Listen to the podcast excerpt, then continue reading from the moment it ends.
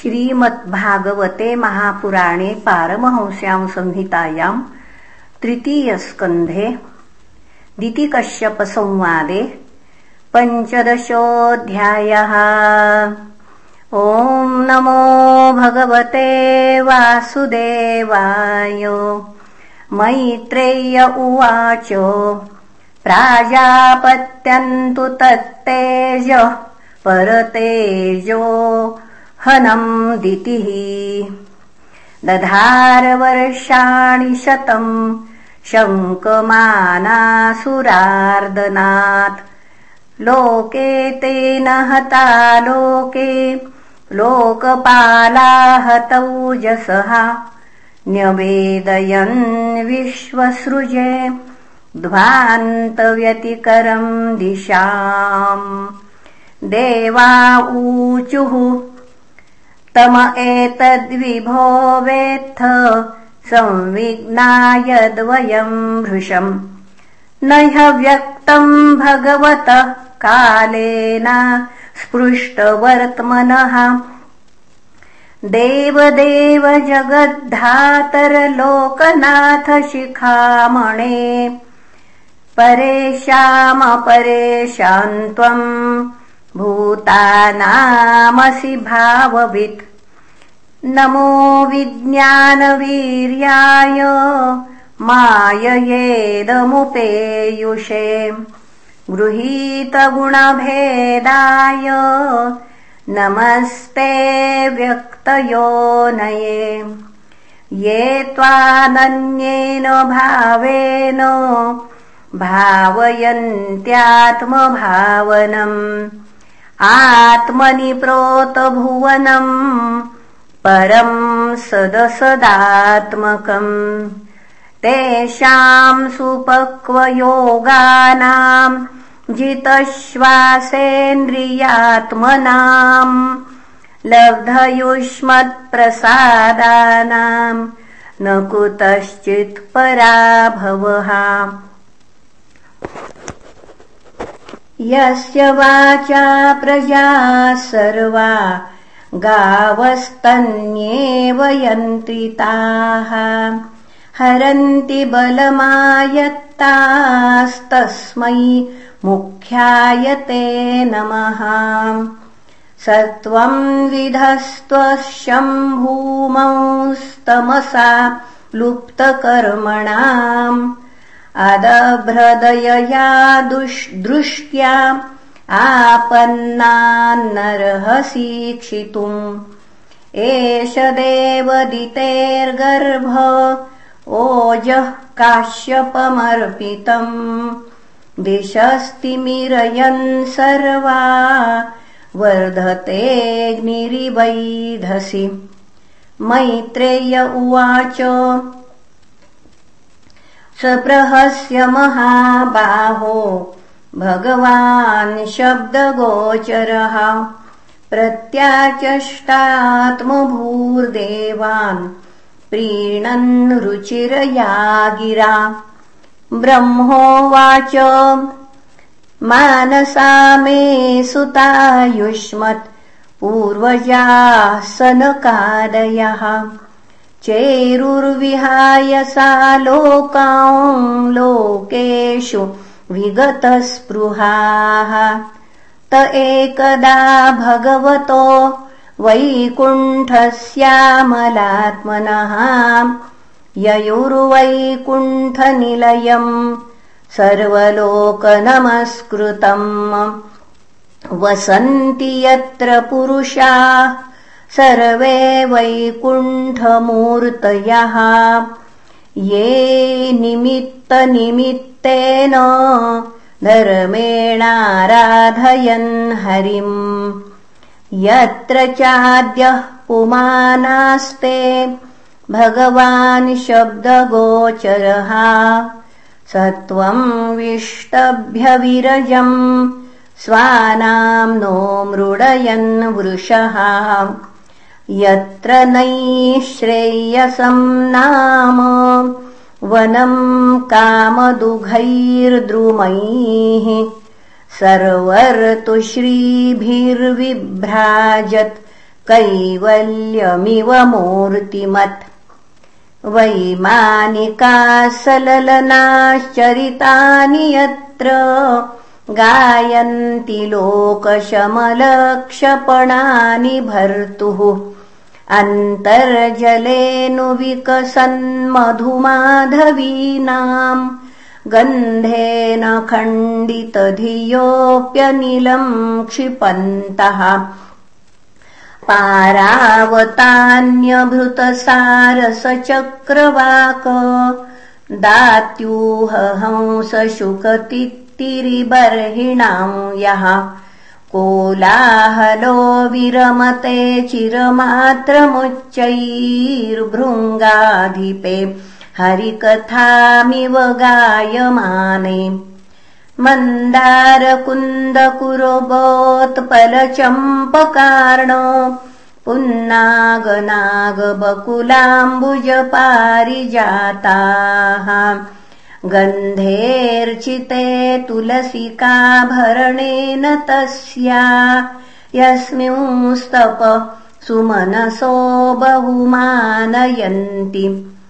यत्सङ्कुलम् हरिपदानतिमात्रदृष्टैर्वैदुर्य मारकत हेममयैर्विमानैः येषाम् बृहत्कटितटाः स्मितशोभिमुख्य कृष्णात्मनाम् नरज आदधुरुत्स्मयाद्यैः श्रीरूपिणी क्वणयति चरणारविन्दम् लीलाम्बुजेन हरिसद्मनिमुक्तदोषा संलक्ष्यते स्फटिककुड्य उपेतहेम्नीम् सम्मार्जतीव यदनुग्रहणेऽन्ययत्नः।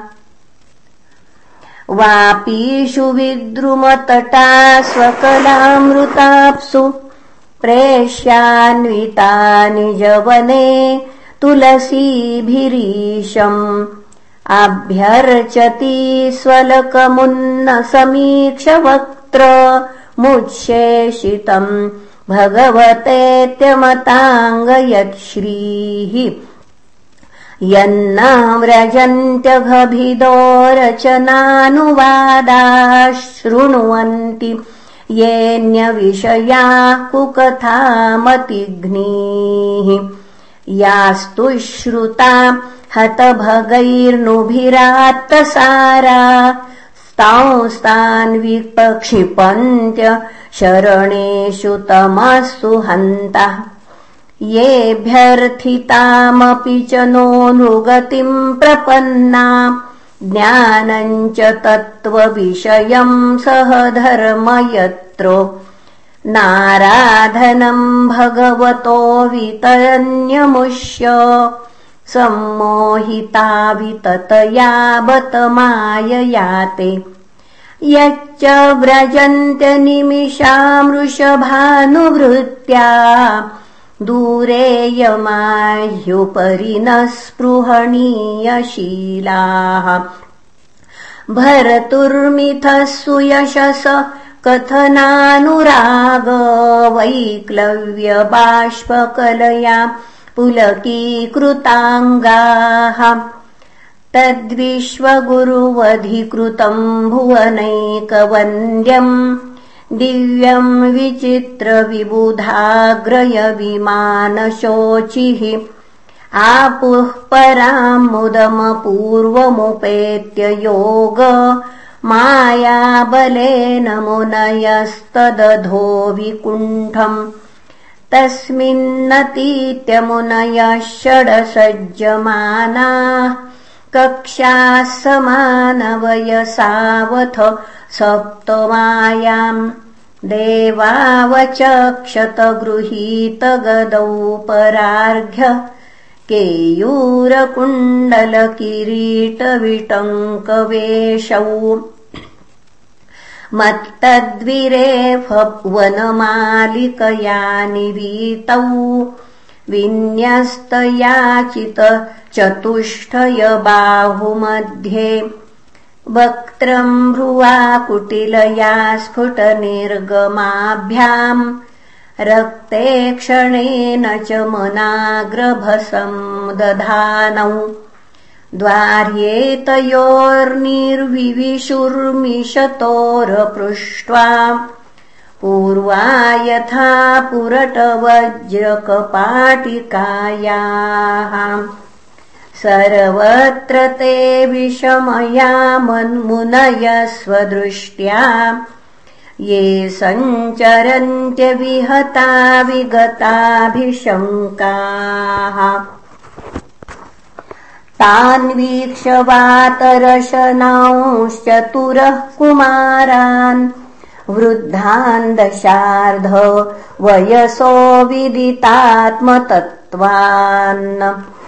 वेत्रेण चास्खलयतामतदर्हणांस्तौ तेजो विहस्य भगवत्प्रतिकूलशीलौ।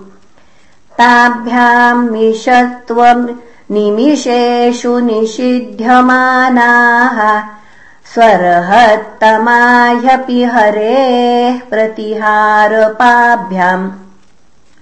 ऊचुः सुरुत्तमदिदृक्षितभङ्ग ईशत्कामानुजेन सहसात उपप्लुताक्षाः। मुनय ऊचुः।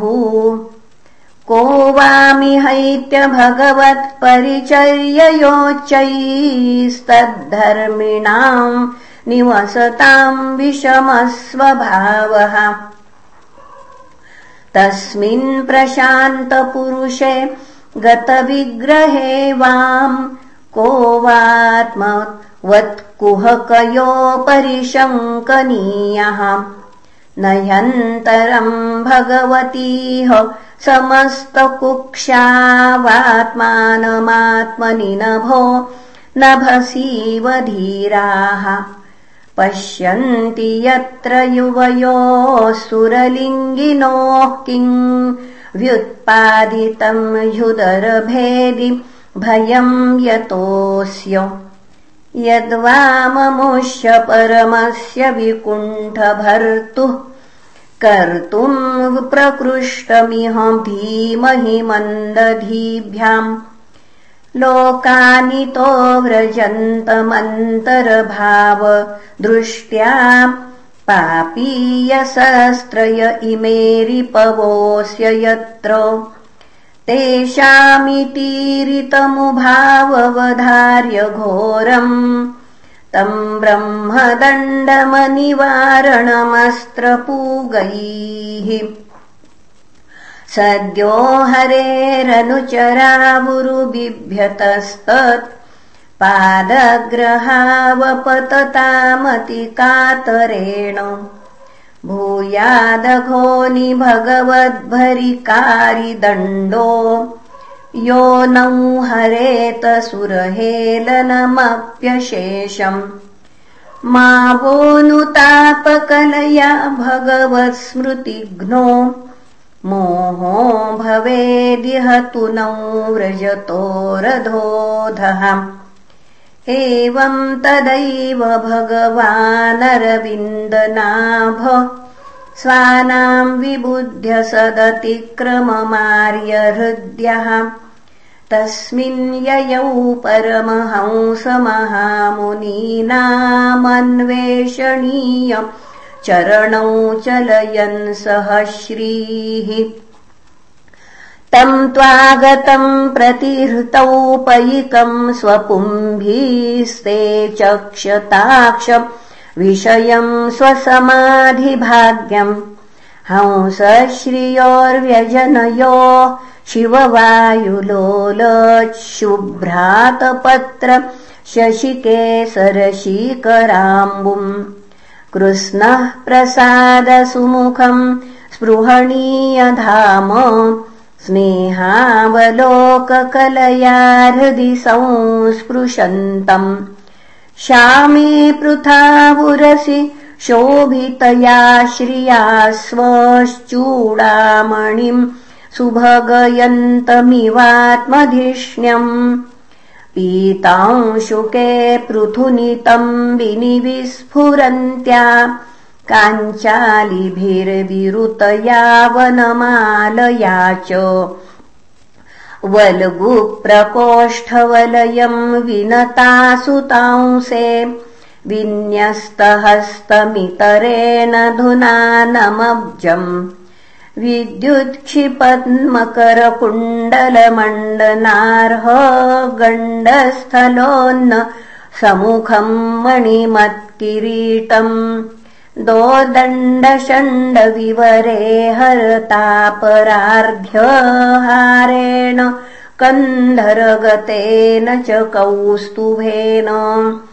अत्रोपसृष्टमिति चोस्मितमिन्दिरायाः स्वानाम् धिया विरचितम् बहु सौष्ठवाढ्यम्। मह्यम् भवस्य भवताम् च भजन्तमङ्गम् नेमुर्निरीक्षणवितृपतत् दृशो मुदाकैः तस्यारविन्दनयनस्य पदारविन्द किञ्जलकमिश्रतुलसीमकरन्दवायुः। अन्तर्गतस्वविवरेण चकार तेषाम् संक्षोभमक्षरजुषामपि चित्ततन्वोः। ते वा अमुष्यवदनासितपद्मकोश मुद्वीक्ष सुन्दरतराधरकुन्दहासम् लब्धाशिषः पुनरवेक्ष तदीयमङ्घ्रीद्वन्द्वम् नखारुणमणिश्रयणम् निदध्युः पुंसाम् गतिम् मृगयतामिह योगमार्गैर्ध्यानास्पदम् बहुमतम् नयनाभिरामम् पौस्त्रम् वपुर्दर्शययानमनन्यसिद्धैरौत्पत्तिकै समगृणन् युतमष्टभोगैः कुमारा ऊचुः योऽन्तर्हितो हृदि गतोऽपि दुरात्मनाम् त्वम् सोऽद्यैव नो नयनमूलमनन्तरार्धः। यर्हेव कर्णविवरेण गुहाम् गतो न पित्रानुवर्णितर्हा भवदुद्भवेन। तम् त्वाम् विदाम भगवन् परमात्मतत्त्वम् सत्त्वेन सम्प्रतिरतिम् रचयन्तमेषाम्। यत्तेऽनुतापविदितैर्दृढभक्तियोगैरुद्ग्रन्थयो हृदि विदुर्मुनयो विरागाः।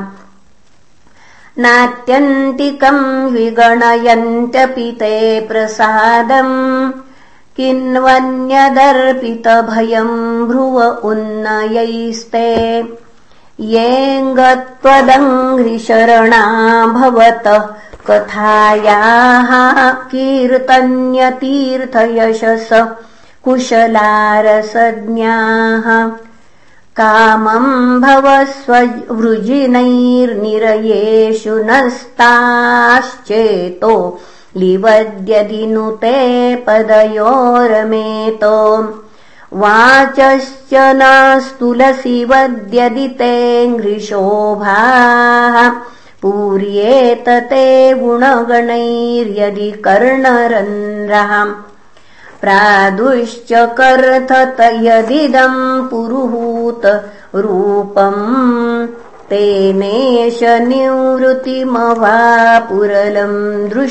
नः। तस्मा इदम् भगवते नम इद्विधेम। यो नात्मनाम् दुरुदयो भगवान् प्रतीतः। इति श्रीमद्भागवते महापुराणे पारमहंस्याम् संहितायाम् तृतीयस्कन्धे जयविजयोः सनकादिशापो नाम पञ्चदशोऽध्यायः श्रीकृष्णार्पणमस्तु। हरये नमः हरये नमः हरये नमः